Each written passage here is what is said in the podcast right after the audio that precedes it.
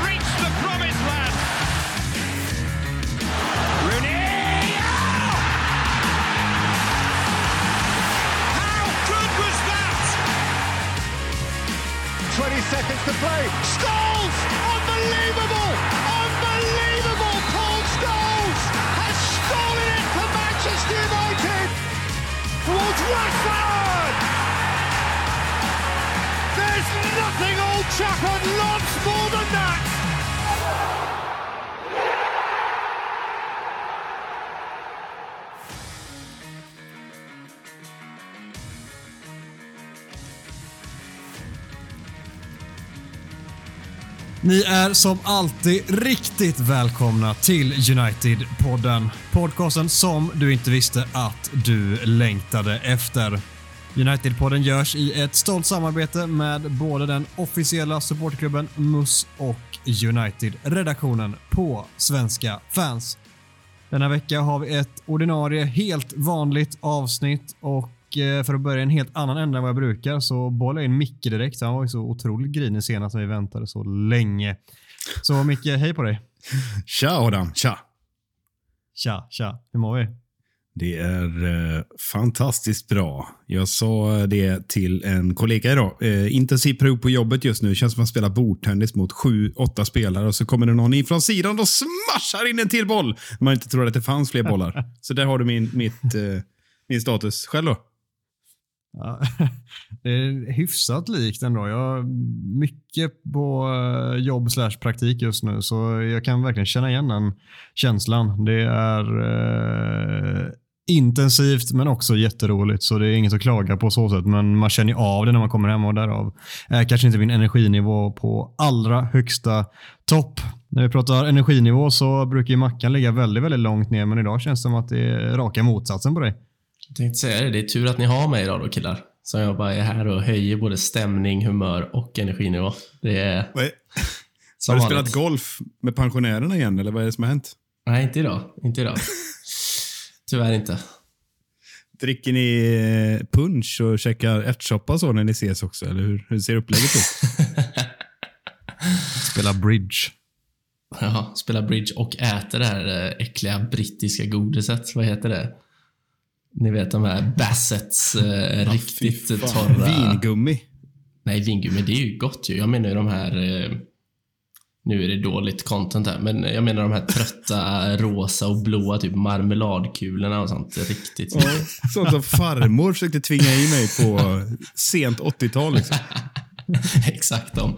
De smular jag i mig på eh, golfbanan. Det är trevligt. Ja, det är lite oväntad uppladdning då, men du, du ser ju jävligt stark ut måste jag säga. Någonting har hänt. Är det så? Ser jag annorlunda ut?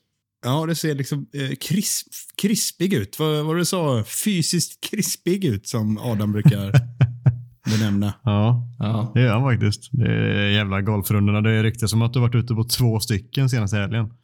Ja, men det har jag varit. Så det kan ha varit lite sol som har hittat sig in i mitt bleka face. Det kan vara, kan vara den lilla skillnaden du ser på mig mycket. Men eh, kul. Mm. Tack för komplimangen. Ja, fan. Jag vill bara få upp det lite. Nu kommer jag på varför du är så spritt språngande pigg och glad och energifylld. Det är ju Korpen-premiär imorgon. Det är det kommer jag kliva in och dominera likt Harry Maguire. I, I, golf eller vilken sport pratar du om? Nej, nu är det faktiskt fotboll vi pratar. Tror det eller ej. Oh, herregud. Det är, eh, ja, Göteborgs eh, korpen eh, turnering. Det kommer hända grejer på Kviberg plan 16 imorgon klockan 19.00. Mm. Be there or be square. Be there or be a gaisare, som vi säger. Inget fel på gaisare. det är du som brukar blanda in guys, eh, att United är lika dåliga som guys och så vidare. Så att, vad fan. Jag måste också få dra en guys referens Ja. Allt, eh, allt om guys är ändå värt att nämnas. De behöver lite, de behöver lite um, rampljus nu med tanke på var de befinner sig. Så uh, mer guys i United-podden kanske.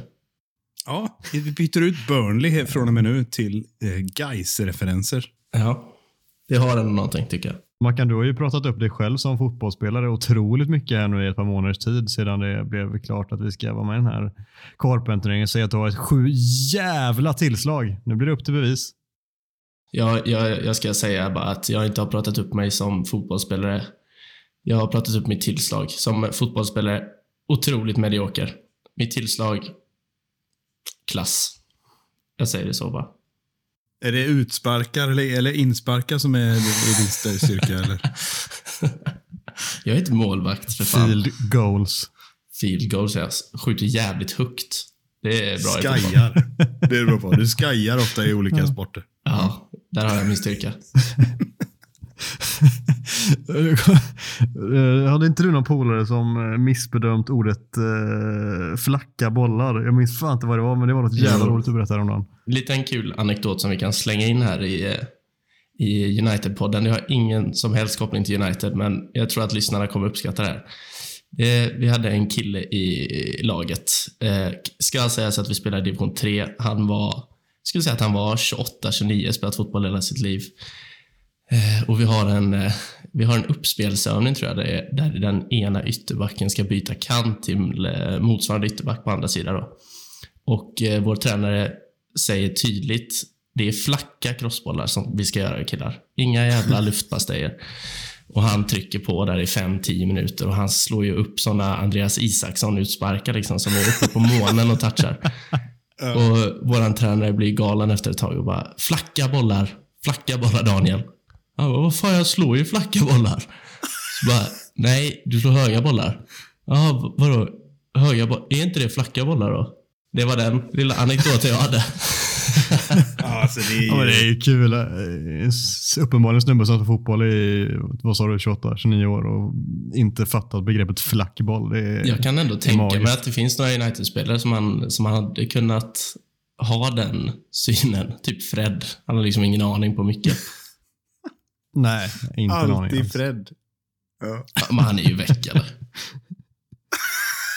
Ja. Det var, var, det inte han vi beskrev som att han eh, tog bussen åt fel håll och grejer? Ja, ja. Jo, han är ute och orienterar ofta och springer runt. orienterar.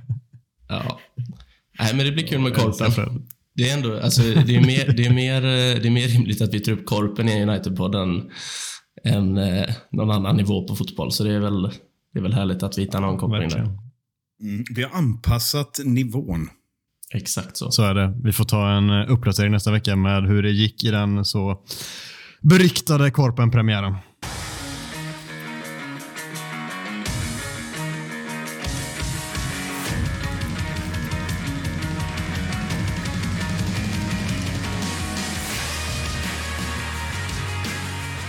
Totalt överlägsna Manchester United pulveriserade Brentford på Old Trafford och stormar mot en Europa League-plats.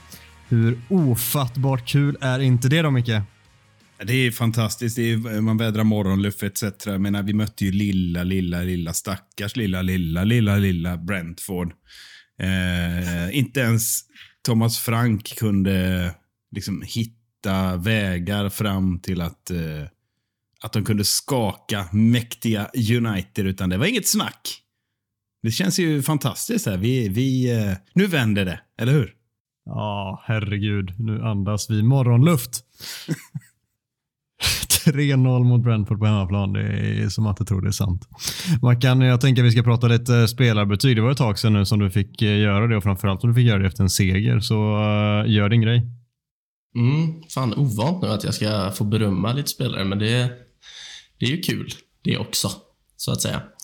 Eh, vi kan väl börja, vi hoppar rätt in på bäst tycker jag. Jag, jag har den känslan idag. Och det är väl, inte, är väl inte jättesvårt att lista ut vem som var bäst och vem som har varit bäst egentligen genomgående den senaste månaden. Och Det är ju, det är ju vår nummer sjua, Cristiano Ronaldo. Han har verkligen eh, hittat formen och fortsatt på den fina inslagna vägen även igår. Jag tycker att han tycker att han var bra egentligen hela matchen och inte bara inte bara i straffområdet som han stundtals har varit, utan nu var det liksom över hela planen. Det var också en situation i första halvlek som jag verkligen fastnade för. Det är när han, han ska liksom flicka bollen, klacka den vidare till Bruno tror jag det är, och så missar han lite och så kör han ett hemjobb på typ 50-60 meter och glidtacklar ut bollen till inkast. Då eh, satte man nästan folkölen i halsen här på kvällskvisten. Så det var ju... Jag älskar att du, att du börjar dricka folköl nu Mackan. Du går i mina fotspår allt mer. Ja. nej, men så, eh, nej, återigen, han har eh, verkligen steppat upp nu de senaste, ja, egentligen senaste fem, fem veckorna, skulle jag vilja säga. Fem, sex veckorna. Han har varit riktigt bra. Så ja, han var bäst igår också som han eh, älskade att klacka igår. Det var ju fint. Det var den gamla Cristiano Ronaldo från eh, förra sessionen i Manchester United. Det var eh, en behaglig flashback så sett. Ja, men så är det och det är inga protester från mitt håll heller. Det var ju framförallt det du är inne på. Alltså det Ronaldo normalt sett är bra på, som vi har liksom eh, lärt känna honom nu mer. Den lite eh, åldrade Cristiano Ronaldo, liksom, avslutstekniken och att alltid vara på rätt plats etc.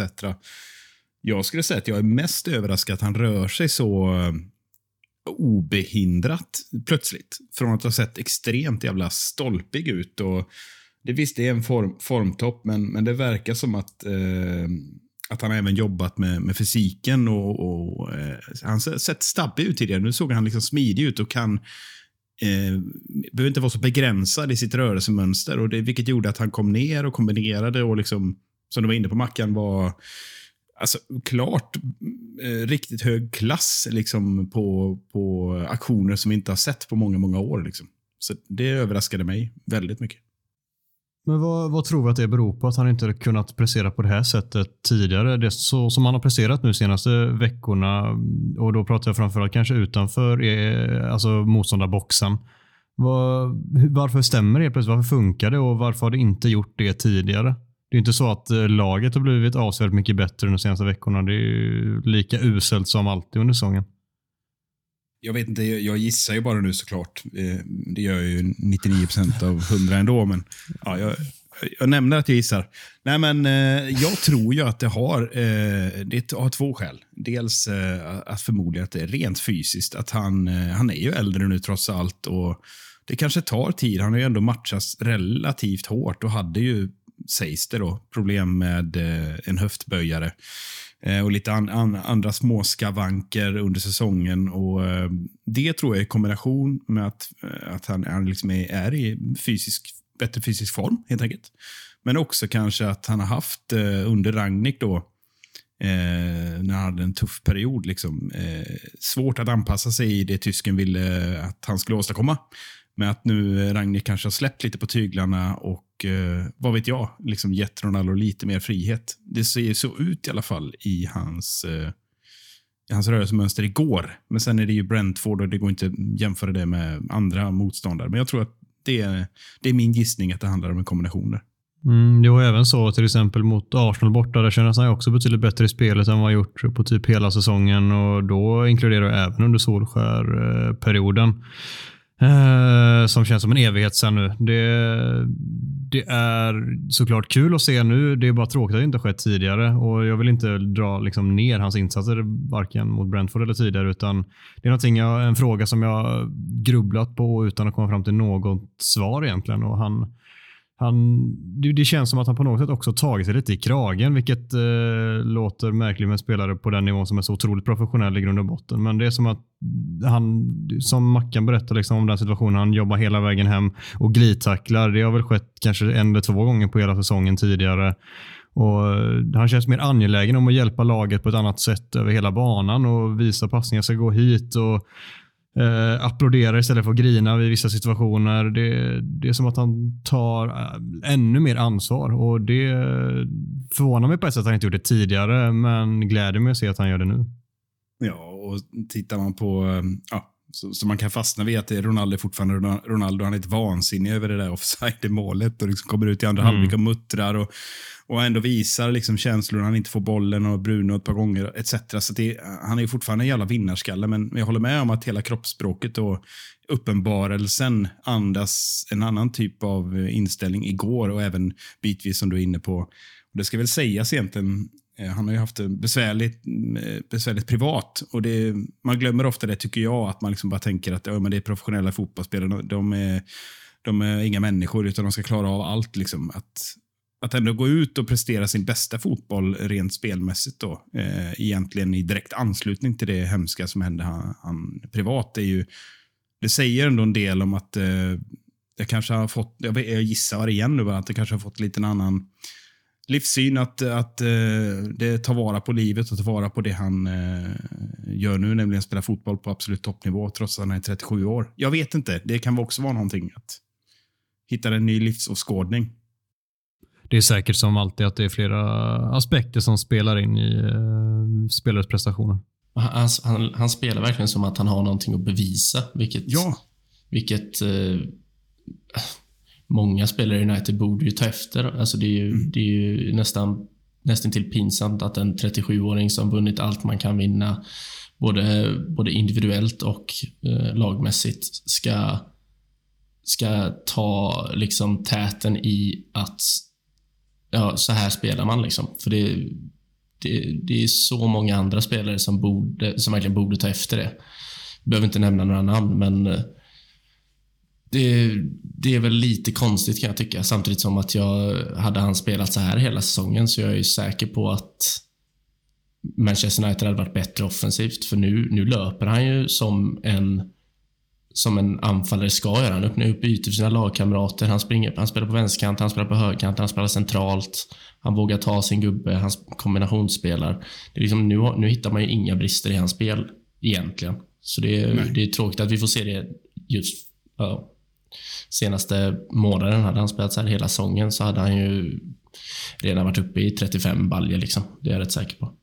Ja, det är klart att eh, klassmålet mot Chelsea får, eh, har vi inte kommenterat. Eh. Vi spelade in tidigt förra veckan, men alltså det var ju, det, var ju, det måste man också prata om. Liksom, vad, är, vad är det för jävla nedtagning och avslut? Liksom, det, det är helt eh, otroligt jävla vast. Men eh, vi lär väl komma in på fler andra anmärkningsvärda Eh, det är det temat du är inne på där Mackan. Jag är nyfiken på vad du har mer på listan där. Men jag tänker på att äldre spelare eh, spelar som de har något att bevisa och andra spelare gör inte det. Ja, vi, vi, kan hoppa direkt till tvåan då. Han som var näst bäst, det var ju sjukt nog Juan Mata. Som... Det var sjukt nog. ja, men alltså, inte, inte med tanke på att det är Juan Mata, men med tanke på att det är en spelare som inte har spelat en Premier League-match från start på hela säsongen. Och han kliver in som att han inte har gjort något annat. Det, jag vet inte vad det säger om resten av spelartruppen egentligen. Eh, men vi kan fokusera på det positiva. Han var ju, alltså redan från typ minut ett, så han bara såg så självklar ut och eh, fortsatte väl egentligen att göra det fram till att han blev utbytt. Det är, det är ju synd att målet är offside, för det är så, han hade verkligen förtjänat en fin assistpoäng där, men eh, nej, jättekul att se honom. Det är bara synd att vi kanske inte har fått se honom lite mer den här säsongen. Då. Ja, vi ska ju prata mer om det sen, eller hur Adam? Men, men eh, jag, jag ryser lite nu när jag tänker på...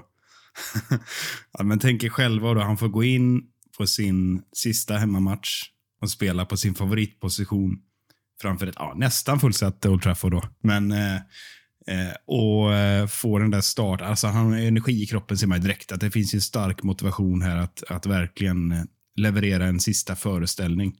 Eh, så jag tror att det är mycket adrenalin, mycket liksom, eh, energi kopplat till det som gör att han och får en bra start och sen eh, äh, jag, jag, jag unnar verkligen honom den, den, vad ska man kalla det då för, värdiga avslutningen på hemmaplan. Men det var, det var, det var mycket positivt med, med insatsen mot Brentford, men vi måste ändå hitta någonting negativt. Och eh, jag vet inte, det är tråkigt, tråkigt att säga, men Scott McTominay har fan inte varit vass den senaste tiden. Och eh, var inte det igår heller, tycker inte jag.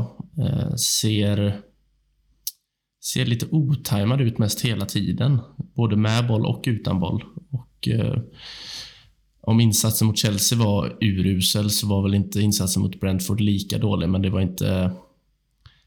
Jag, jag skulle säga att han var sämst i United med ganska god marginal tycker jag. Så han behöver höja sig.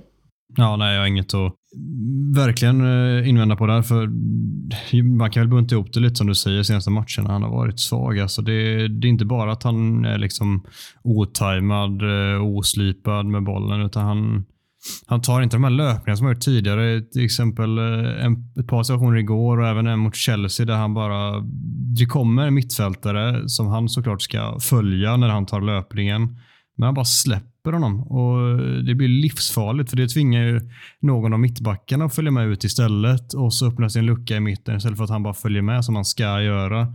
Vilket alla spelare på den nivån vet han ska göra, vilket han har gjort tidigare. Men helt plötsligt så har han bara slutat göra sådana enkla basic-grejer som alla ska göra. Så märklig, märkliga prestationer på honom på senare tid. Jag vet inte riktigt varför det har blivit så. Och eh, han har väl varit en del så också genom åren. Liksom United upp och ner. Eh, perioder jättebra, perioder rätt svag och nu är han ju verkligen inne i en period där inte mycket fungerar. Jag tänker att det är ju, det är ju eh, två saker som jag har noterat med McTominay. Att, och med att, då måste man bunta in fler matcher och kanske se, sätter vi hela säsongen. att det och även eh, tidigare säsonger att det är tydligt att han trivs egentligen bara med Fred. Eh, för de kompletterar varandra på ett bra sätt. och han är ju som allra bäst när, när, eh, när United får till det där pressspelet, när han ligger rätt i positionerna. Eh, han är ju som allra sämst när han försöker överarbeta situationer, både defensivt och offensivt. Och Det är precis det jag tycker han gör i, de, i matchen eh, mot Brentford och även, även tidigare. Han gör en ganska svag säsong generellt. Det är väl ingen jätteskarp analys att dra till med, precis som hela laget så har han haft det tufft. Men jag, jag, tycker att han, han, han har inte sett fitt ut. Han har haft problem med någon fot eller vad det är som inte släpper. Eh, en hel del fysiska bekymmer, kommer inte riktigt in i det, har inte riktigt kommit in i det alls sen Ragnik eh, tog över tycker jag. Eh, mycket att tänka på för honom verkar det vara. Det ser ut som att han, han måste tänka mycket hela tiden och det säger ju alla som har hållit på med någon form av idrott på högre nivå att man ska inte tänka så mycket utan det ska mer eh, rulla på. Och det gör det ju sannerligen inte nu och jag håller med. Det var klart svagast i röd tröja. Vi, vi måste bara ta upp det att han hade alltså en passning som gick till rätt adress mot Chelsea i andra halvlek. Det är, mm. det är sjukt. Alltså det har man ju på chans liksom. Det är bara att någon råkar hitta rätt, tänker jag. Hur fan kan man ha en passning till rätt adress? Det är ju... Äh, det är statistik som är häpnadsväckande. Nej, det är slår, han slår till och med, eller eh, i uselhet, Alan som i Everton där som hade två eh, passningar till rätt adress och bägge två var från avspark. Ja. Man gillar ju sådana statistiker dock. Ska vi inte bara ta upp den? För att jag, jag är ju inte Romelu Lukakos största fan, så alla möjligheter jag får till att såga honom tar jag. Greppar jag hårt. Han hade ju i en match den här säsongen, jag kommer inte ihåg vilka det var mot, men jag tror att han hade åtta touch under 85 minuter, varav tre var på avspark. Det, det fick mig bara att känna att, åh vad jag inte saknar att se honom i mitt lag. Eh, så fick jag det sagt också. Det är alltid härligt. Mm. Skönt att flika in. Men är det inte så att, hoppas ni håller med, är inte Lukaku den, den spelaren som har störst liksom, eh, vad heter ordet nu, kommer jag inte på bara för det, men eh, diskrepans i sina insatser. Den nivån han kan hålla när han är riktigt bra och den nivån han håller när han är riktigt dålig. Alltså det är, sån, det är liksom sådana astronomiska avstånd mellan de prestationerna. Så att, eh, sen eh, måste vi slänga in, eh, glömmer aldrig av, eh, glömmer aldrig bort heter det till och med på svenska när någon kastade ut en, en eh, skön meme på en liknelse på uh, Lukakos first touch. Det var när han var i United och var lite överviktig. Slängde de ut en häst som trampar på en medicinboll, ni vet, i Sigurdshuvudet och, och ramlar. Alltså, jag har aldrig skrattat så jävla mycket. Och det är, bildreferenser håller inte i podd, men jag ska leta upp den och se om vi kan kasta upp den. För. Så den, den touchen har Jag tror alla kan se det framför sig. Det är briljant. Det.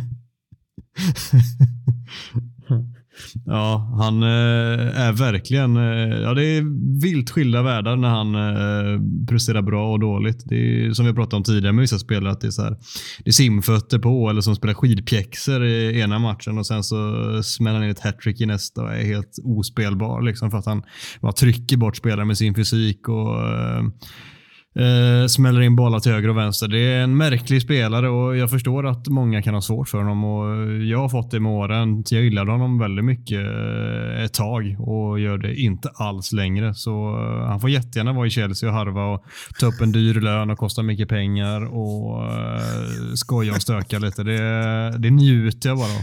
Det var, det var gött att han buades ut förra torsdagen där. Då satt jag hemma och njöt lite. Det var härligt. Ja, vi njuter allihopa, Mackan. Ja. Med rätta.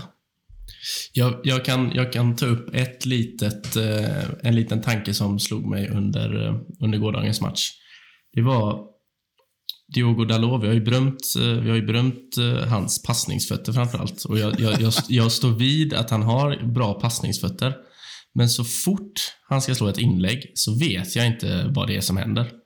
För han kan liksom slå crossbollar som om det inte vore någonting. Han kan byta kant 50-60 meter. Han kan slå djupledsbollar avvägda perfekt som vi ser till Elanga där innan 1-0 målet. Ja, det är också och Ronaldo han, innan det också. Han sätter den på bröstet på honom. Eh, och det är också han som slår passningen till Ronaldo när han fixar straffen. Jättefina passningar, väl avvägda, perfekta. Men så fort han ska slå ett inlägg, då vet jag inte vad det är som händer. Så alltså, bara hans inlägg igår var nästan fan värda att få honom som platsen till att han var tvungen att höja sig. För jag kan, inte, jag kan inte komma ihåg en spelare som slår så pass många dåliga inlägg under en match. Det var liksom sex, sju stycken i år som bara, vad är det frågan om? Mm. Ja, julgransfot igår. Ja, men det är märkligt för det är en spelare vars just inläggsfot när han var i Porto, det var ju alltså, han spelade 8-9 seniormatcher eh, i och för sig innan han gick till United så det är ingen jätte liksom, eh, bredd på den statistiken men den statistiken som fanns på de matcherna sa ju snarare att han hade en otroligt bra inläggsfot och prickade liksom rätt tav, måltavla i eh, mer gånger än vad genomsnittet gör. Vilket eh, kändes som att det här är precis vad vi behöver få in och i grund och botten så har han väl förmodligen bra inläggsfot också. Men det här är ju någonting som sitter i hans huvud nu. Liksom. Han har ju slagit så många eh, inlägg till fel adress som har gått bara rätt ut över eh, allihopa och inkast på andra sidan som gör att här, det måste vara det som han får på näthinnan varje gång han ska slå ett inlägg nu. För det är som du säger, han klarar av att göra allt annat. Så här, sätter den på läppen liksom, i rätt svåra bollar liksom, på andra sätt. Men så fort det är ett inlägg så bara tjoff, rätt åt skogen varje gång. Och det är märkligt. Det hade ju varit rimligare liksom, om det var en spelare som var en besökare som Ja, vi, vi behöver inte prata mer om honom, men alltså, han kan ju typ inte passa en fotboll liksom, utan att det ser ut som världens svåraste sak att göra. Då kan man ju förstå att inläggen blir lite svajiga. Liksom. Vilket hån. ja, men, då blir det så jäkla konstigt när man ser Dalot sprida passningar och alltså, ser så lätt ut. Liksom. Och så bara kommer ett inlägg och så bara, vem fan var det? Ja, det var Dalot. Och så tänker man nästa gång bara, oh, nu kommer han Dalot här och så bara, nej, är det Dalot? Ja, det är konstigt alltså. Det är märkligt. Men det är, han har ju för mycket fot under bollen, den här klassiska som alla får höra när man eh, spelar liksom på fem och sju man när bollarna bara stiger. Liksom. Det är, han har för mycket fot under bollen varje gång man lutar sig bakåt och skickar på bollen. Man undrar hur det ser ut på träningar liksom. Kör inläggs, inläggsövningar utan försvarare. Anfallarna får inte nicka en enda gång när Dalot kommer runt på kanten. Han bara slår ut dem till hjälptränaren på andra sidan planhalvan. Ja. Det är vad det är, men han kommer säkert bli bättre på det när den här kommer. Jag, jag sätter min ja. tro på det. Jag det förstår, jag, jag förstår en... heller inte, förlåt jag måste bara lägga mig i den inläggsdebatten. Jag förstår heller inte de är överlånga på den ytan. Jag, jag fattar att man inte vill slå den närmare mål. Eh, jag, mm, det finns inget jag blir mer irriterad över än när målvakten går ut och plockar alla hörnor och inlägg, för då är det för dåligt. Liksom. Men men just den där, den där bollen är ju en väldigt mycket lycka till-boll. Hur ofta lyckas du med ett sånt perfekt överlångt inlägg som har mycket snö på sig? Liksom. Så, och dessutom försöka det igen då, sju gånger. Det är väl det som jag eh, tänker mest på. att men Slå inte den bollen då. Du bevisligen inte klarat att få in den på den ytan idag. Det är liksom mm. Einsteins eh, teorier kommer ju väl till pass där. ja, det gör de. Eh, innan vi eh, avslutar det här segmentet så vill jag bara notera och slänga in en liten, liten detalj som jag tyckte var fin också. Det är Ronaldos straff när man ser Matic vända sig om och fira redan innan. Det är en liten detalj, men jag, jag blir glad av att se det. Matic, hans sista hemmamatch och han är bara så självsäker och glad och lycklig. Han, han vet att det blir mål här. Jag går och firar tre sekunder innan Ronaldo har slagit in straffen. Har du inte, sett, har du inte sett att Elanga gör samma sak? Nej, det har jag missat. Jag Elanga är ju den, han är ju halvvägs i hörnflaggan när Ronaldo påbörjar ansatsen. Liksom. Han är bara redo att köra sin... Eh, och så Man älskar ju också eh, hastigheten i ansatsen. Liksom. Det är inte många Distinkt. som har högre hastighet fram när man slår straffar. Nej, satan vad smaskar på den bollen. Det får, det får mig bara att bli ännu mer oförstående till varför det var Bruno som tog straffen mot Arsenal. Ja. Men mm. skit i det nu. Nu tycker jag att ja. vi tar en jingel här och går vidare. Adam. Ja, där dunkar vi på jingeln.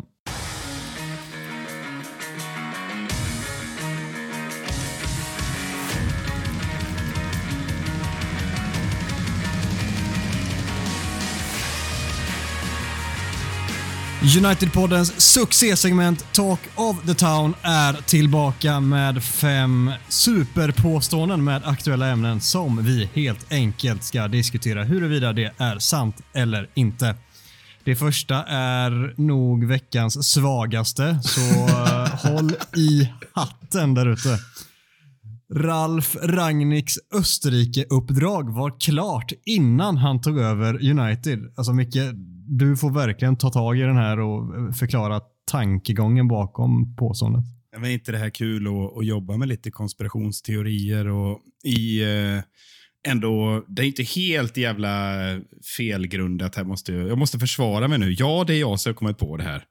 Men bakgrunden tycker väl jag är att eh, en på det hela taget oerhört märklig eh, tillsättning av en interimtränare med det här två års luddiga eh, konsultuppdraget som jag tror att vi har pratat om 26 gånger i podden. Och Alla pratar om mest hela tiden och alla har egentligen bara sågat det i takt med att resultaten har gått som de har gått. Men vi måste ändå det måste ändå finnas någonting i den här utnämningen, tänker jag. Och eh, Kopplat till just det jag var inne på med, med hans uppdrag hos United. Det, det känns som att det är regisserat. Eh, och visst, som, som jag tänker då, liksom, hur funkar det liksom på förbundsnivå rent generellt eh, i Centraleuropa, Tyskland, Österrike, den här typen av, eh, av klubbar? Visserligen togs ju beslutet att sparka den här eh, Franco Foda, artistnamn för övrigt, fem plus-namn eller? Ja, hyfsat bra faktiskt. Men eh, efter de misslyckades ta sig till VM, det, det är ju inget konstigt i sig att man att man eh, får gå eh, efter fyra år eller vad det nu hade varit. Och jag har faktiskt inte kollat upp hur det har gått för Österrike, men så jävla vassa är de inte. Det, det är inte direkt 70-tals eller 60-tals form på dem, för då var de ju bättre. Men eh, rimligen sticker jag ut hakan och säger då, så har man ju upprättat någon form av exitplan vid eventuellt misslyckande. Det är inte helt, man är inte helt, eh, ett fotbollsförbund kan ju inte sitta helt utan olika scenarios. Det känns ju jättemärkligt.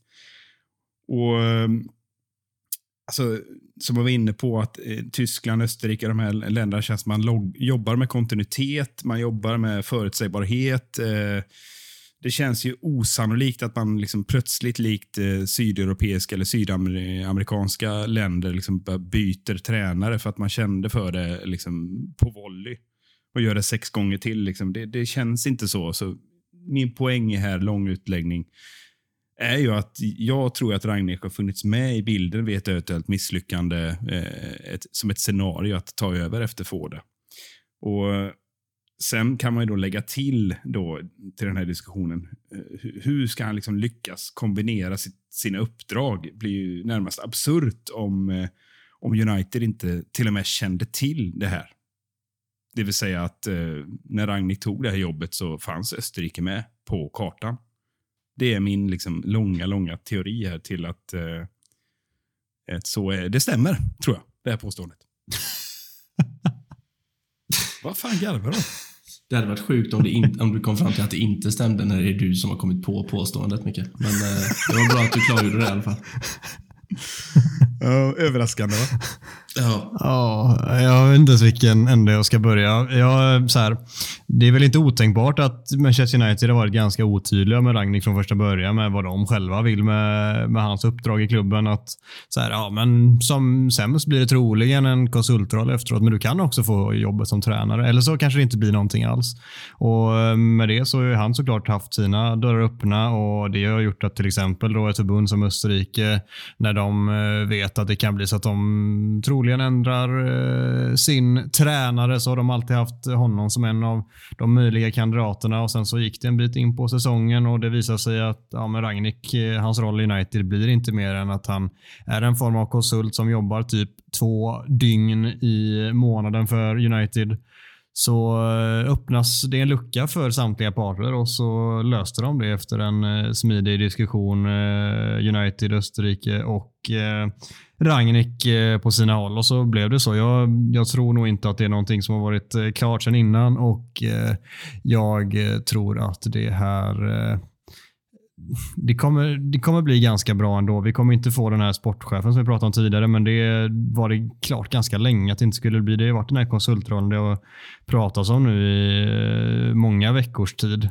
Så länge han får lite svängrum därifrån, att de ändå lyssnar på hans åsikter och tankar, vilket jag tror är viktigt att få in den friska fläkten som vi har pratat om tidigare, så tror jag det kan vara ganska, en, ett ganska fair upplägg. Liksom om, om inte jag har uppfattat den här rollen som är tänkt till honom helt fel, så är det väl, han ska väl vara någon typ av länk mellan ledningen och Ten Hag. Det är i alla fall så han pratar. Liksom. Och då må jag kanske vara naiv, men jag ser inte att det skulle vara något problem med att han är förbundskapten också. Det är inte så att han ska vara ute och scouta spelare 21 dagar i månaden. Liksom.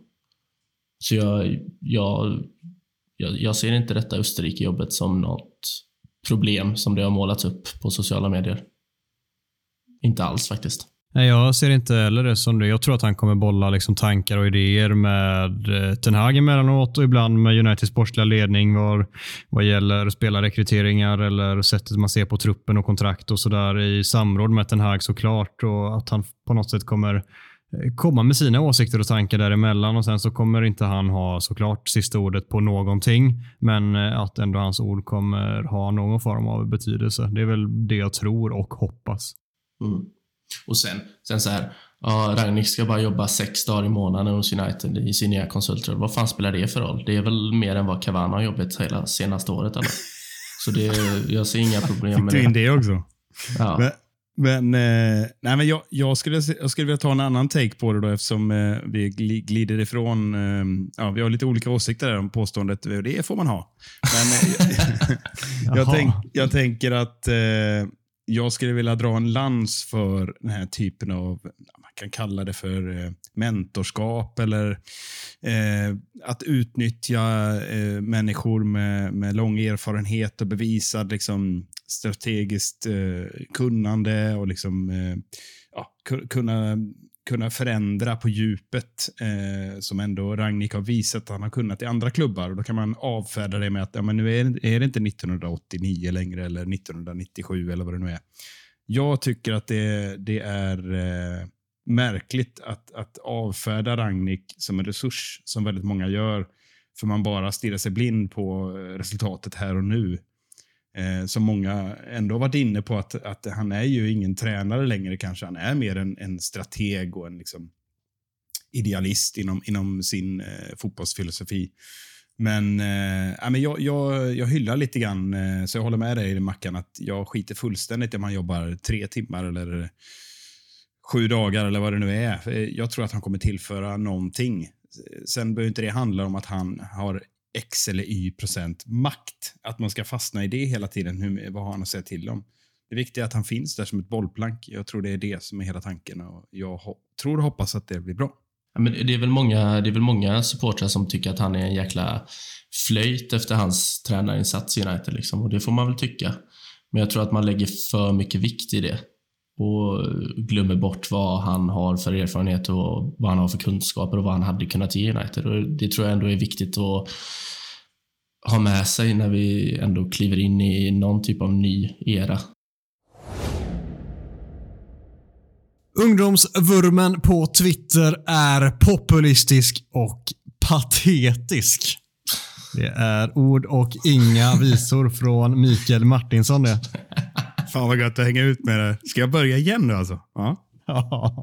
Ja, men, eh, det är kul det här tycker jag. Jag gillar att röra till det, kasta in lite, lite brandfacklor här och var för att spetsa till det. Och, ja, men med risk för att få livslånga interna United-fiender, kanske, kanske också i den här podden, vi får se. Men, eh, men framförallt eh, United-kollegor där ute som säkert tycker att jag är en jävla idiot som tar upp det här. Men då får de tycka det. Så eh, måste jag faktiskt hålla med om det här påståendet, föga överraskande igen. Eh, jag gillar mina egna teser som ni har märkt. Men seriöst, alltså, nu blir jag fan förbannad nästan. Men att urskillningslöst leta vinklar som sänker alla klubbens beslut och samtidigt förhöja sin egen status. Vilket det handlar om.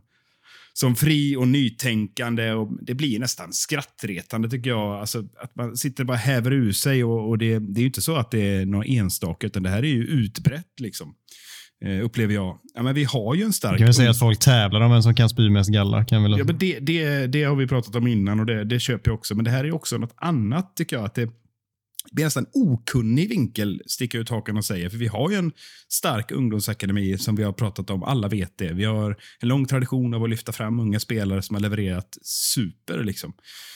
Men titta på andra lag i toppen då till exempel, eller topp top 8, eller to, liksom, eh, skärskåda deras eh, trupp. Och så, så är jag jättenyfiken på att se då vilka andra som använder oprövade 17-åringar i parti minut. Eh, har, har, vi någon har vi någon där så vi kan kasta in här direkt? Jo, men den 17-åringen slängde de in i den viktiga matchen. City? Det, Nej, jag skojar bara. Ja, men liksom, det är klart att det, det har skett att det unga spelare har fått speltid, men kanske kanske i kupper liksom. För det finns ju det finns ju fysisk verklighet att ta hänsyn till det någonstans. Och vi har ju den trupp vi har. Vi har den skadesituationen vi har. Vi har formen som är usel. Vi allt det vi har pratat om. Liksom. Men det handlar ju om att rädda säsongen ändå. Vi kan inte bara skita i allt och spela liksom totalt oprövade kort bara för att eh, allt är ändå så jävla dåligt. Och Det kan inte bli sämre med Fernandes på vänsterbacken och allt vad det nu hävs ut. Liksom. Vi, vi behöver ju säkra ett Europa League-avancemang. Vi kan inte tappa hela skiten. Eh, och då, då, eh, då tycker jag med, med, med förutsättningarna så, så köper jag liksom matchningen. Sen kan man ju tycka då, då och då att vissa spelare, typ Phil Jones, är ett jävla skämt att byta in honom. Men vad fan ska de byta in då? Han ville gå ner på en eh, 3-5-2 det sista. Ska vi eh, trycka in en eh, 17-åring där som mittback? Eller vad? Jag, jag förstår inte alls det här. Så ja, lägg av med det här populistiska svamlet. Underbygg era teser istället och bevisa mig gärna hur duktiga eh, enskilda spelare är som borde spela istället för någon annan. Då, då kan jag backa från det här. Jag håller med dig mer än vad jag tror att du trodde att jag skulle göra. Sen är det inte riktigt lika hela vägen ut i eh, ytterkanten som du är eh, i ditt ställningstagande. Där. Men i, kort och gott, ja, jag håller med. Det, det, är klart att vi inte bara kan kasta in eh, 11-17-åringar eller för den delen tre stycken som eh, Eh, jättemånga säger för att det inte kan bli sämre. Dels av anledningen som du säger att Europa League kan fortfarande vara en betydande liksom, turnering för oss nästa säsong. Hur tråkigt det än är att höra så är det de facto så. Och eh, då klart vi inte bara kan vaska det, utan då ska vi se till att vinna de matcherna som krävs för att vi ska lösa det. Sen kan jag tycka att när vi ska kasta in spelare i slutet av matchen, vi har 3-0 hemma mot Brentford, du måste ju inte slänga in typ då en Phil Jones. Du kan kanske ge Hannibal en 10 minutare, du kan kanske ge Garnacho en 10 minutare eller vem det nu är av de unga spelarna som i det läget är mest lämpad för att få några minuter på planen. Men jag håller med att vi inte, varför ska vi starta dem i en Premier League-match i det här skedet? Det är jättedumt. Ja, man kan göra som vi gjorde Uh, vilken säsong var det när det var klart och vi, Elanga fick göra sitt första mål? Är det förra säsongen? Ja, ja, det blir det. Mm. Precis, och han fick starta en match i sista omgången. Det var helt betydelselöst för båda lagen.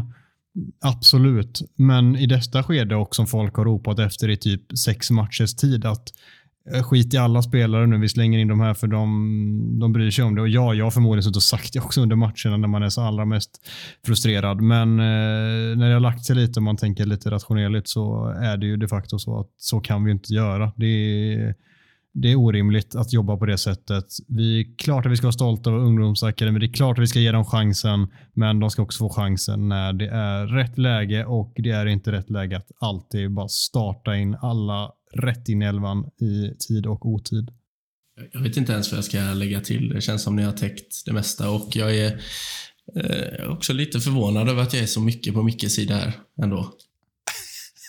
Men det är fint att vara det också ibland. Nej, men jag, jag, jag, håller, jag håller typ med i allt ni säger. Det är bara det att, som du är inne på Adam, det var inte, det var inte så att jag satt och det var inte tältresning när man såg nummer fyra och eh, 21 kliva in igår. Liksom. Då kände man ju bara, ta mig härifrån nu för fan, släng in lite ungt och pikt. Men eh, ah, Ja, och där borde han ju gjort det. Det, ja. det kan vi väl ändå enas i. Eller tycker inte du det också, Nej. Martinsson? Nej, men, jag har faktiskt tänkt på det också. Jag har ett försvar på det också. Här, jag håller med ditt resonemang tillbaka där, Adam. att men å andra sidan, hur många matcher har vi haft ett 3-0-läge hemma och kan spela av matchen sista? Kan du, kan du dra hur många sådana matcher det är i år? Nej, men det är därför jag menar just ja. Brentford-matchen. Då ska vi ju nyttja det när vi ja. har den möjligheten. Ja, men utifrån det så jag kan köpa eh, att igår skulle kanske sista bytet eh, gått till en, en akademispelare.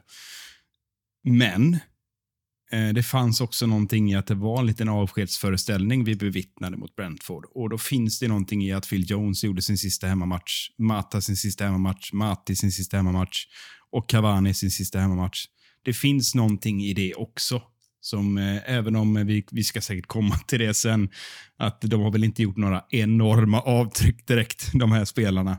Men det finns någonting i det och var sak har sin tid och plats. Jag är helt säker ah. på att, att, United kommer att eh, spela unga spelare i fortsättningen. Så, så tänker det jag. kommer de göra. Men jag, ja, det kommer jag, men jag håller inte riktigt med om att det är så jävla nödvändigt att de ska få sin avskedsföreställning. De kan väl stå och vinka sen efteråt. liksom, Exakt. Det, ja, vi har en, vi har en spelare så. som... Eh, vi, vi, kan gå in på den direkt istället. Jag slänger in en liten eh, jingel här nu. Pang. Och så tar vi nästa påstående direkt. Cavani borde ha buat ut. Mackan, kör för jag vet vad du kommer säga och jag kommer hålla med dig rakt av. Alltså jag, jag brinner för den här punkten så mycket. Permanent, aldrig för stunden, bunden. Alltså, jag vet, inte, jag vet inte ens var jag ska börja. Jag tycker bara det är helt sjukt att han är värd en avskedsföreställning. Hur, hur kan man som United-supporter ställa sig upp och applådera honom efter den här säsongen? Alltså jag, jag, jag gillade honom starkt efter det han gjorde under sin debutsäsong och tyckte verkligen att vi skulle förlänga hans avtal. Men så som han alltså på riktigt betett sig under den här säsongen så är han inte värd... Eh, han är värd en avvinkning när han sätter sig på flyget. Kanske. Och då är jag fan snäll. Han har liksom inte gjort någonting under de sista, vad blir det, eh, nio månaderna som är värda att få en stående ovation från Old Trafford. Och jag, jag har svårt att förstå det bytet. Jag har svårt att förstå att han ens var med i matchtruppen. Så, eh, ja, hade jag varit där så hade jag ställt mig ensam och buat åt honom. ja, såklart. Ja, jag hade kanske inte buat, men eh, jag håller verkligen med. Det var fan. Men jag tycker typ det är två ja, jag, mot de andra spelarna. Jag tycker om Cavani så mycket i grund och botten också. Ja, men visst, visst. Och jag håller med Cavani. Eller jag tycker om Cavani så mycket i grund och botten. Och efter förra säsongen, han har så otroligt mycket som spelare som jag eh, mm, kan idolisera. Men han, eh, hans säsong som han haft i år, han visar att den här, alltså United för honom den här säsongen har inte betytt ett skvatt. Det har varit viktigare för honom att åka iväg och spela med Uruguays landslag än att vara tillgänglig eh, för spel någonsin för Manchester United. Det, det har stört mig något oerhört på senare tid, vilket jag inte riktigt förstår varför. Men det är väl för att man ska göra av med de här frustrationerna som finns i kroppen mot United och då ska det riktas över allt och alla. Men eh, ja, absolut. Han, varför ska han in? Varför ska man med matchtruppen? Han kan få gå ett varv på plan om man känner för efteråt, komma ner från läktaren, vinka lite, adjö till de som vill vinka tillbaka och så får det vara bra så. Det behöver inte vara något jävla spektakel av det och att han ska in och grejer bara för att det är hans sista hemmamatch. Då får du fan visa någonting mer under säsongen innan. Men jag, jag tänker inte gå i clinch här faktiskt, utan jag, jag, jag köper resonemanget och jag tänker två, två olika tankar dyker upp i huvudet här när, eh, på det sättet ni resonerar. Eh, och den förmildrande omständigheten, omständigheten, om vi börjar där, så, och sen tänker jag fasa in det i liksom litet medhåll för på slutet här, men, men han har ju varit skadad. Det är ju ganska tydligt. Ja, och han har rest och spelat med sitt landslag etc. Det, det, det, men vi måste börja... Han har inte varit fräsch i år. Han har inte, han har inte liksom varit i ordning. Och Sen finns det ju då på den här, om vi utgår från att det är sant, där att han skiter i United och han, han tycker det är viktigt att representera sitt land och liksom eh, på, på alla sätt liksom har en helt annan status där än vad han har i, i United. Och Det sägs ju också, eh, utan att jag är helt insatt i det, men det sägs ju att han är rätt besvärlig att göra med. Rykten från PSG, när han hade en helt annan status, eh, även i Napoli, var att han, han är liksom ett, ett rikssvin. Eh, så, och kanske väldigt självisk. Och det kan man ju tolka in då. Och ty Hårt. tycka liksom att, att, han, eh, att han har den liksom, jag går först. Här. Nu, nu får inte jag spela, nu får inte jag starta. Eh, då borde han ju lämna till julas, liksom när, eh, redan då när Ronaldo togs in på kort varsel. Liksom, då, då måste han ha känt att det här är ju liksom kört. Liksom, nu kommer inte jag få spela. Då fanns det också Greenwood med i bilden etc. Konkurrenssituationen var mördande. Eh, och så skador på det. Så det, är, det, är, det är ett mis brutalt misslyckande. Och då letar han kanske, nu, nu försvarar jag honom igen, men då letar han kanske energi då i, i sitt hemland och spelar landskamper där. Men eh, sen att man ska bua ut honom för det, nej, det, det sträcker inte jag mig till. Ja, men det, alltså det är ju extremt, liksom. det, det köper jag. Eh, men det hade varit uppfriskande. Men eh, tillbaka till sak. Det som, är, det som jag tycker är konstigt eh, med hela situationen kring honom är att han utstrålar allt annat än det han har gjort i år förra året. Mm. Alltså då var han Uniteds absolut största lagspelare. Den som sprang mest för laget, den som gjorde det tuffa jobbet för att de andra skulle få skina och så vidare och så vidare i år. Fan, han ser ut som... Han, han hade inte kunnat jonglera två, liksom. Vissa matcher. Han kommer ut och ser ut som han är stelopererad. Vad, vad, vad är det som har hänt, människa? Sen, han är gammal. Sen vill jag också till... Jag lyssnade på uh, The Athletics podd om United, Talk of the Devils med uh, Andy Mitten och Laurie Whitwell. Och då säger Andy Mitten det att av, av det han har hört från källor från United så finns det en stor irritation bland både personal och andra lagkamrater över hur han agerat den här säsongen. Med både skador och ja, alltså sin, sin eh, egenskap att inte vara tillgänglig när laget behöver honom. Och det, det tycker jag är både det är ju först och främst jäkligt oprofessionellt och sen är det ju bara varför, varför är du här då? Om du ändå inte ska göra ditt jobb. Då, alltså, det är det, jag fastnar vid det. Hur kan man då anse att han är värd en avskedsföreställning? Liksom? Det, det skär sig och det blir, det blir respektlöst mot andra spelare som inte fick chansen till att göra det. Där framförallt en sticker ut. Liksom. Och Då tycker jag att det hela blir jäkligt det, blir, det blir bara konstigt och jäkligt svårt att smälta, tycker jag. Mm, det är oskönt mot lagkamraterna, det är oskönt mot eh, klubben, alltså hans arbetsgivare som betalar hans lön och det är oskönt mot supporterna som har eh, verkligen tokhyllat honom förra säsongen och många tagit honom till sitt hjärta för sättet som han spelar fotboll på och sen så bara skiter i det under säsongen vad, vad det verkar. Vi har såklart inte allt framför oss på bordet men eh, mycket talar ju för att han inte har agerat helt felfritt. Glazer-protesten gäller bara om United förlorar. Det här gillar jag mycket. Det här är en god vinkel du har slängt in. ja, ska jag förklara den lite närmare? Nej, jag går rakt på sak. Här, va? Det känns som att det, det är inga frågetecken vad vi, vad vi är ute efter här.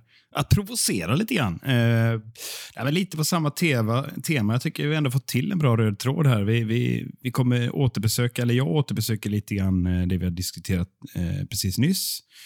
Nej, men liksom, jag tycker det är lite sådär det idealistiska och blir lite populism. Liksom att eh, Vi står där med våra halsdukar som är sådana, har en avvikande färg och det var bättre på 60-talet. och Det är så jävla kreddigt och ditten och datten. Jag ska inte pissa på de supportrarna. De är extremt viktiga för United och har eh, varit med och stöttat eh, laget eh, på plats. Alltså, det, det, är inte det jag säger här, utan det jag säger är liksom när narrativet för stunden inte passar helt plötsligt så spelar United bra. Då släpper man det här idealistiska. Liksom, och, och Då blir det inget buande och det blir inget, ingen massiv eh, eh departure av, från, från eh, 13 000 på läktaren. Utan det, det var ett, ett, gäng som gick. Det var inte så många som gick.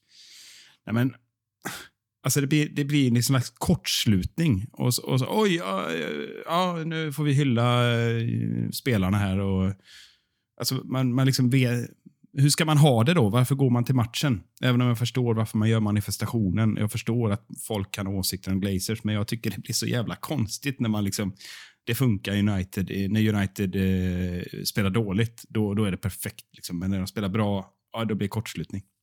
Jag stör mig på det.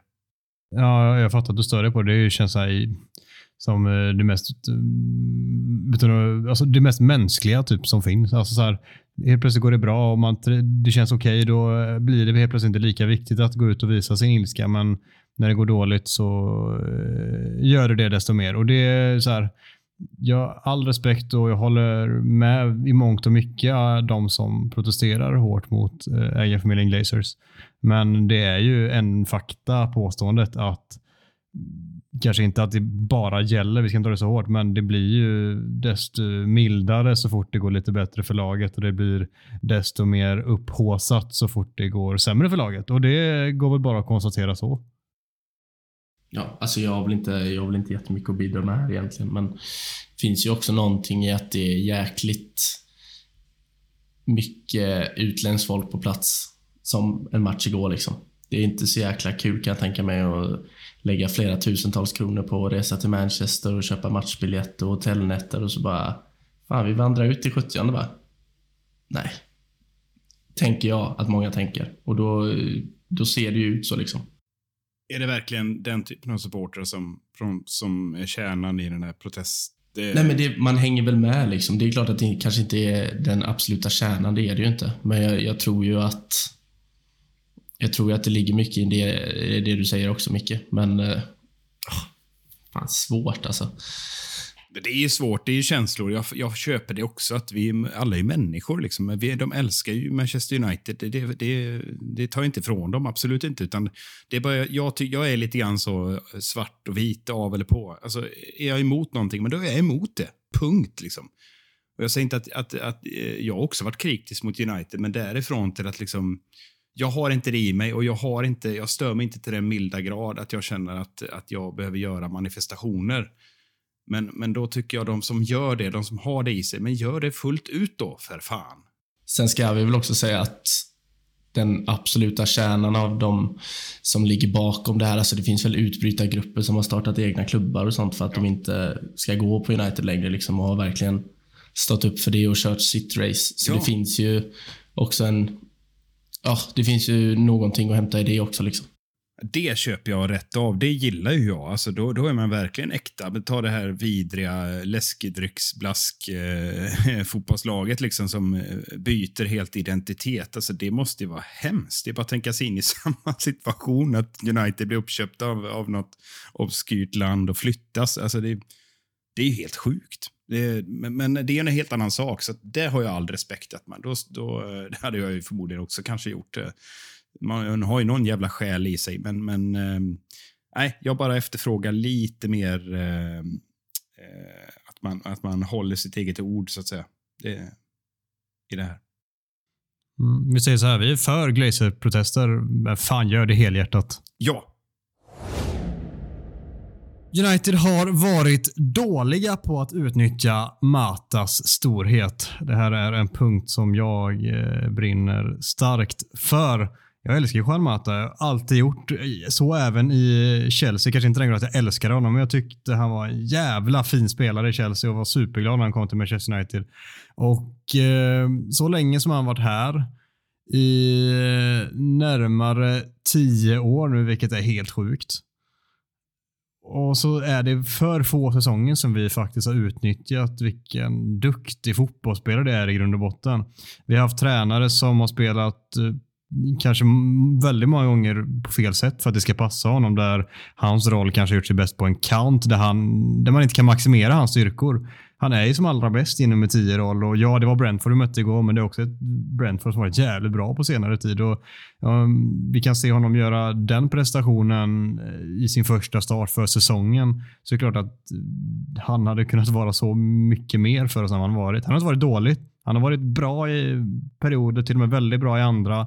Men eh, jag tycker inte att vi har liksom lyckats fullända den spelaren som Juan Mata hade kunnat vara i Manchester United. Så bra som han var i Chelsea sin sista hela säsong när han öste in mål och poäng och blev utsedd deras bästa spelare den säsongen. Den nivån har vi ju inte sett i Manchester United mer än möjligen glimtvis. Och Det är väldigt tråkigt för jag tycker att det är en sån otrolig fotbollsspelare och framförallt är det en människa jag eh, håller extremt högt. Eh, av allt att döma som man ser utanför planen så verkar det vara en genomfin människa.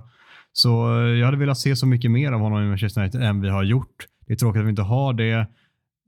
Så det är väl typ det där jag vill landa. Jag ser att ni faktiskt sitter och nickar. Det låter inte som att ni kommer hoppa in här och avhyvla Juan Mata. Det hade varit sjukt om jag eller Micke bara, jag hatar honom. Han verkar vara en genomvidrig människa och uh, usel fotbollsspelare. Nej men det, det, det, är på, ja. ärligt, man har väl sagt sedan egentligen sen typ 2015 att vad fan spelar honom som tia nu? Alltså det ser väl alla, det är där han är bäst. Men United har ju aldrig använt honom som tia eh, genomgående liksom. Utan han kanske har spelat där en match och sen blev det högerkanten och sen blev det vänsterkanten. Och jag vet inte, alltså, alltså det var väl Chelseas Player of the Year två säsonger i rad innan han kom. Och då, alltså topp tre i Premier League var han väl. Mm. Han dikterade ju ligan ett tag där. Ja, och det, det alltså man, för att vara krass så har man ju inte sett i närheten av de nivåerna i United. Och det är ju lite tragiskt, för han var väl bara, om jag inte tänker helt fel, var han inte 25 när han kom? Så då borde han ju gått in i sin prime. Men det... Ja, nej men han, har, han, är ju, han är ju en sån spelare och person. Han har ju aldrig...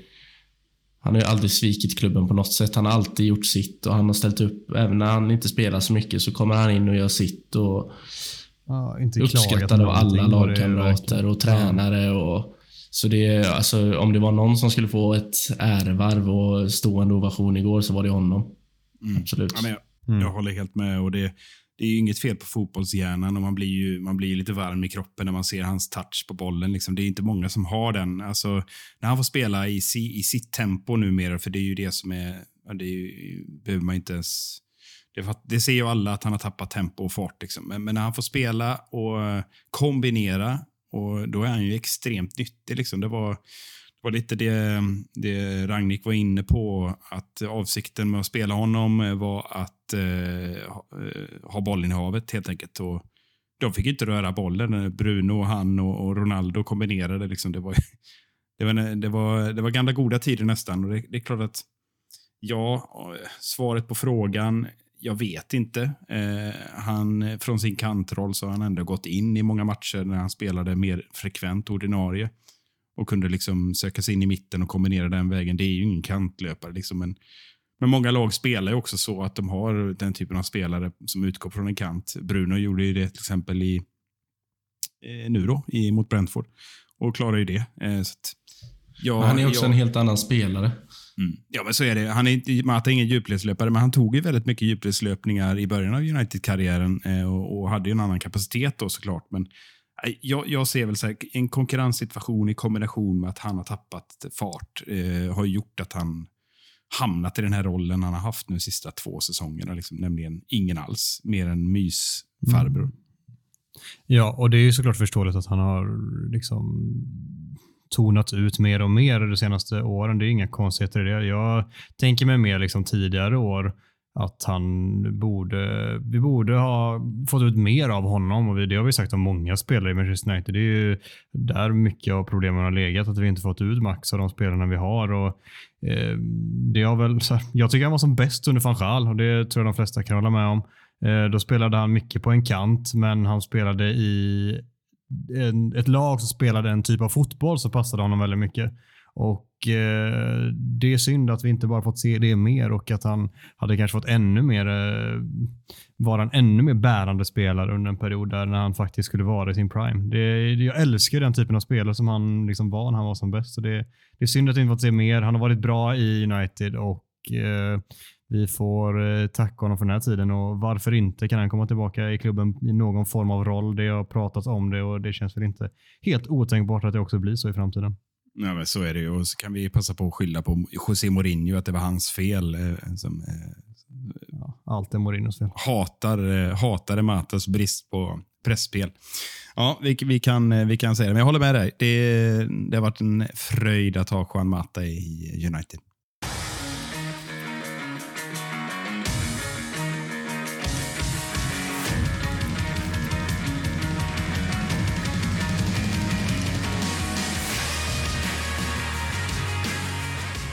Härnäst väntar Brighton på bortaplan. Lördag klockan 18.30 är det som gäller och vi ska inte bli alltför långvariga med uppsnacket inför denna mer eller mindre betydelselösa match.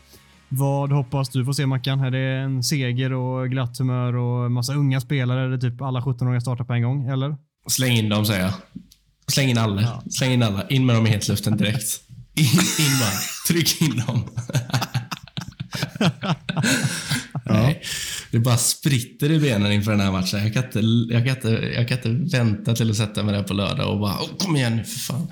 Nej, eh, vad hoppas jag se? Jag hoppas att se några trevliga mål och kanske lite fint spel och uh, ja, det, det, är väl typ det. det mer det är typ där mina förväntningar ligger. Ja, mer Juan Mata, där sa du någonting. Han vill jag gärna se.